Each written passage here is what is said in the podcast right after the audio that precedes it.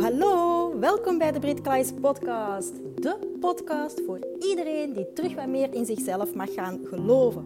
Want ik ben er namelijk van overtuigd dat we met z'n allen de wereld een beetje mooier kunnen maken als we onszelf gaan omarmen wie we echt diep van binnen zijn.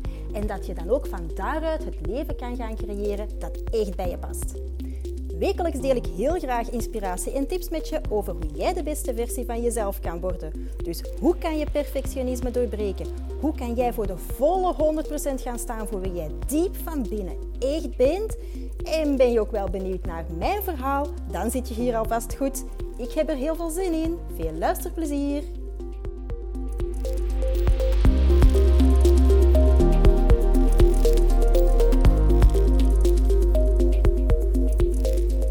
Hallo, hallo! Kijk tof dat je luistert naar deze aflevering van de Brit Klaes podcast. De vier fasen die je doorloopt als je iets nieuws leert. En dat is altijd in alle gevallen, in alle nieuwe dingen die je gaat leren, doorloop je deze fase. En ik ga ze eerst gewoon opsommen en dan ga ik er een aantal voorbeelden aan koppelen, zodat het echt wel duidelijker wordt.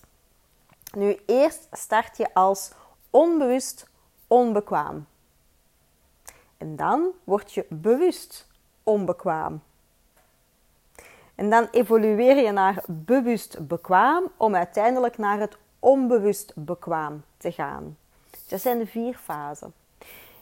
Nu, als je dat vergelijkt met autorijden, dan wordt dat heel snel duidelijk. Nu, voordat je nog maar ja, dat je nog nooit achter het stuur hebt gezeten, dan heb je eigenlijk geen enkel idee hoe ja, onbekwaam dat je dus echt wel bent om met een auto te rijden, om zowel te kunnen schakelen als, als te sturen en alles te bedienen wat in een auto is, en op de baan te letten en, en de verkeersregels van toepassing houden.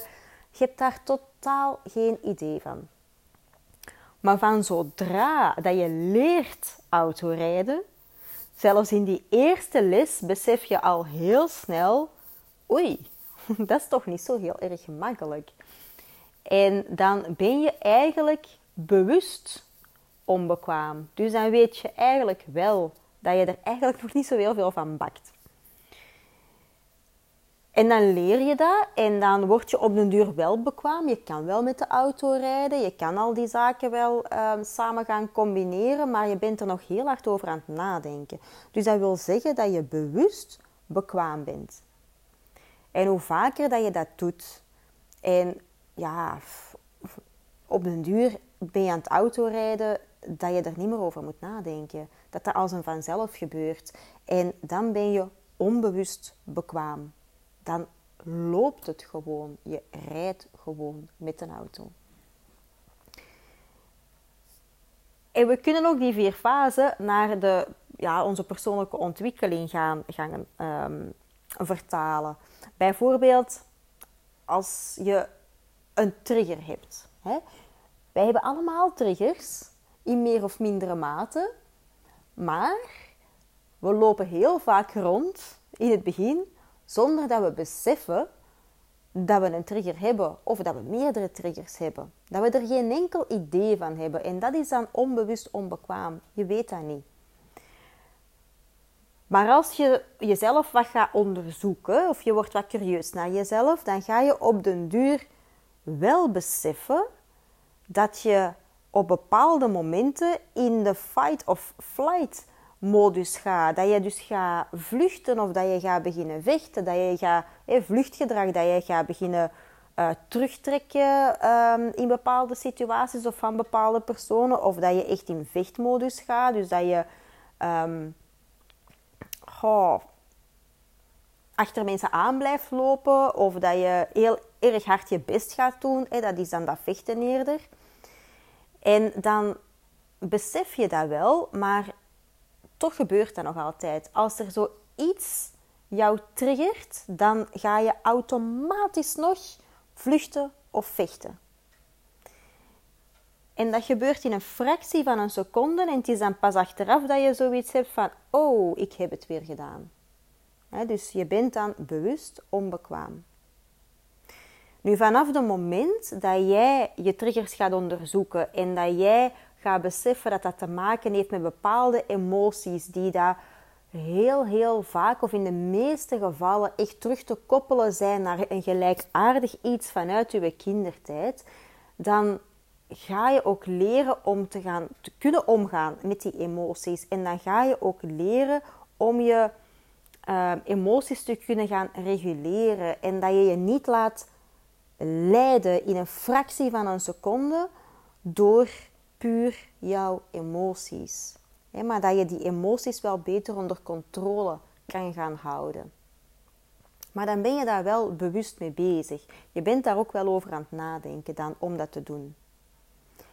Maar van het moment dat je getriggerd wordt, maar dat dat niet meer zo'n big deal is, zal ik zeggen, dat je wel beseft dat je getriggerd wordt, maar dat je dat ook meteen communiceert en dat je dat kan doen zonder dat daar een emotionele lading op hangt. Zo'n extra emotionele lading. Dat wil zeggen dat je niet meteen gaat beginnen roepen of tieren, of dat je niet met de deur gaat beginnen slagen, of dat je niet ja, dichtklapt. Hè? Dat, dat, dat, je, dat je het letterlijk gaat wegslikken, maar dat je dat gewoon kunt communiceren zonder meer. Hè? Dat, dat, dat, dat, dat, dat kan.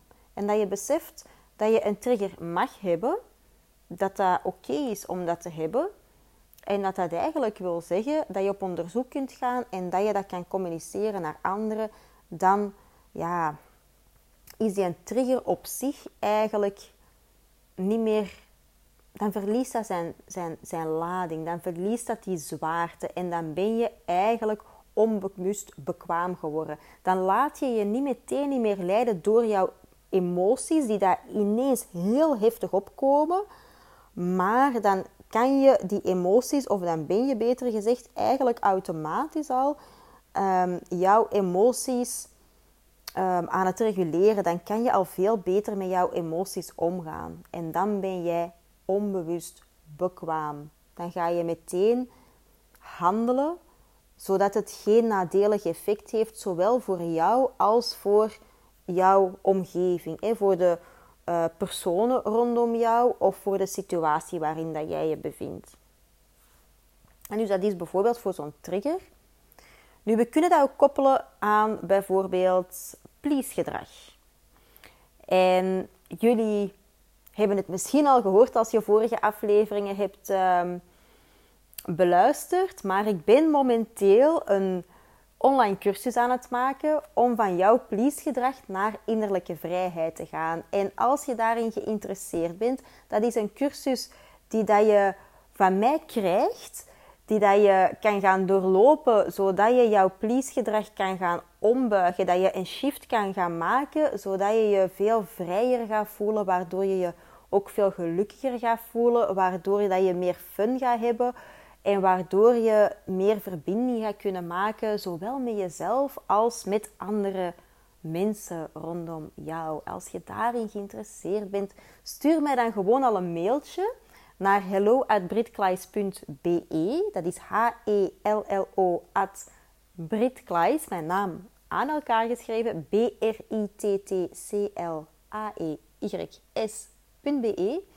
En dan ontvang jij als eerste die cursus. Want ik ben die nog aan het maken. Ik schat dat het nog zo een tweetal weken zal duren voordat die helemaal af is. Dat alles echt is klaargezet. En dan kan je daarmee aan de slag. Maar ik wil nu ook een link leggen naar dat please-gedrag in die vier leerfases. Dus in een eerste fase ben jij onbewust bekwaam. Dat wil of beter gezegd onbewust onbekwaam. En dat wil eigenlijk zeggen dat jij geen enkel idee hebt dat jij please-gedrag vertoont. Je denkt eigenlijk dat je goed doet voor anderen.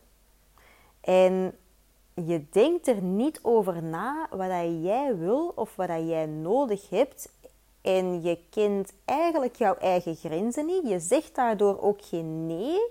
En dat zorgt er wel voor dat als je dat heel lang gaat doen, dat je heel lang eigenlijk jouw voelsprieten naar de buitenwereld gaat, gaan richten. En jouw radars naar de buitenwereld. Dus ga pleasen naar anderen toe. dat je je op den duur heel erg moe gaat voelen. En dat je misschien zelfs lichamelijke kwaaltjes gaat ontwikkelen. En zelfs dan nog ga je dat minimaliseren, want dan ben je met jezelf bezig en je focust je toch wel liever naar je buitenwereld. Dat heeft natuurlijk een reden waarom dat je, doet, waarom dat, je dat doet. En um, daar vertel ik ook meer over in die cursus. Maar je hebt eigenlijk, als je in de fase bent van onbewust onbekwaam, geen enkel idee dat je aan het pleasen bent, dat je gefocust bent naar je buitenwereld en dat je er eigenlijk ook wel een voordeel uit haalt. Dat is allemaal op onbewust niveau, maar het dient jou niet. Nu, in een volgende fase, dat je bewust onbekwaam gaat worden, dat wil zeggen dat je dan meer gaat leren over het pleasen. Dat je dus daarover gaat lezen, dat je daar cursussen over gaat volgen, dat je erover um, hulp gaat zoeken, dat je in begeleiding gaat daarvoor en dat je je eigen patronen van het please-gedrag ook gaat zien. En dan ga je ook leren dat dat iets is wat je in het verleden wel vaker deed. En je gaat ook leren om van jezelf een prioriteit te maken. Je gaat jezelf beter leren kennen. Je gaat durven tijd nemen voor jezelf. Je gaat leren wat dat je wil. Je gaat leren wat dat je nodig hebt. Je gaat dat leren communiceren en, en, en zo verder. Dus je wordt je bewust van al die zaken, maar je bent nog in die leerfase. Dus het please-gedrag, dat is er nog altijd wel. Maar je bent aan het, aan het leren om dat om te buigen. En in die derde fase ben je bewust bekwaam. Dat wil zeggen dat jij dan jezelf wel al beter kent. Je kent jezelf. En je blijft zelfs curieus naar jezelf en naar jouw eigen proces. En je weet hoe dat je dat op een constructieve manier kan gaan communiceren. Maar je bent daar wel heel bewust mee bezig. Dus je bent heel bewust van het feit van wanneer dat jij please gedrag vertoont. Je bent heel bewust van wat dat je nodig hebt en hoe dat je eigenlijk dingen wil in het leven. En um, als er iets jou niet dient of als je merkt dat er iets of iemand over jouw grenzen gaat, dan ben je ook bewust bezig om dat te kunnen gaan communiceren naar een ander. En je denkt daar heel veel nog over na. En in die laatste fase, dan is het eigenlijk hetzelfde. Je, je, je doet al diezelfde dingen, enkel gaat het vanzelf. Je bent daar niet meer zo over aan het nadenken. Dat hoeft ook niet. Want je hebt je bewust getraind. Je hebt eigenlijk bewust jouw eigen um, patronen zo omgebogen. Je daarin een shift gemaakt. Zodat je daar niet meer over hoeft na te denken. En dat dat als een vanzelf gebeurt. En dat is wel heel erg fijn om daar te geraken. Maar je hebt wel vier fasen te doorlopen om ja, om naar die eindfase te kunnen gaan. Dus in de eerste plek is het echt heel belangrijk dat je je bewust wordt van een aantal zaken en dat je bewust wordt dat je eigenlijk heel onbewust in het leven staat op vele vlakken. En dat mag en dat is oké, maar dan is het wel plezant om de curieuze neus te zijn en om dan heel nieuwsgierig te zijn gewoon naar verschillende zaken. En van daaruit kan je ja, nieuwe dingen gaan, gaan, gaan introduceren in jouw leven? Of kan je eigenlijk ook gaan naar waar dat jij naartoe wilt? En dat is waar het om draait. Dus ik zou zeggen, als je iets nieuws leert, ah, echt, don't beat yourself up dat het niet meteen lukt. Dat is helemaal oké, dat is zelfs heel normaal, want je hebt verschillende fasen te doorlopen. Dus het is niet wit-zwart. Het is niet van ik kan het niet naar ineens, ik kan het wel. Of het lukt me niet naar ineens, het lukt me wel. Nee, je moet daarop oefenen. En ha, besef ook dat het heel vaak van een onbewust niveau ook naar een bewust niveau dient te gaan, om daar dan veranderingen in te brengen, om dan op een onbewust niveau het veel makkelijker te kunnen gaan laten verlopen in jouw leven. En vanaf dat je dit weet, ah, dan weet je ook dat je echt niet zo streng hoeft te zijn voor jezelf. Als je een shift wilt maken in je leven of als je iets nieuws wil leren en dat het ook plezant mag zijn, dat een leerproces ook wel heel erg fijn is. En voilà, dat was eigenlijk de boodschap die ik jou wou meegeven. Wees niet zo streng voor jezelf. Leren is oké. Leren wil zeggen dat het niet meteen lukt. Dat wil zeggen dat er ook momenten zijn van falen. Dat mag, want dat wil zeggen dat je aan het groeien bent. En dat is keigoed. Dan ben je supergoed bezig. Oké? Knoop dat in jouw oren. Top. Tot de volgende keer. Bye bye.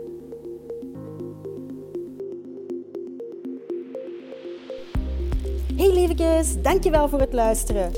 Nu, wat kei plezant zou zijn, is dat als je deze aflevering interessant vond, om dan even een screenshot te maken en dit te delen op Instagram. En vergeet me dan ook niet te taggen, want ik vind het gewoon kei leuk om te zien wie er allemaal luistert. En heb je een vraag of heb je een inzicht gekregen of wil je me gewoon iets delen? Stuur me dan gerust een berichtje. Je vindt me onder de naam pinkability-britkleis. En wat ook wel kei plezant zou zijn, is dat als je op iTunes een korte review kan achterlaten. Want hoe meer reviews, hoe beter de podcast gevonden wordt en hoe meer mensen ik kan bereiken om ze te inspireren. Een dikke, dikke, dikke merci en tot de volgende keer.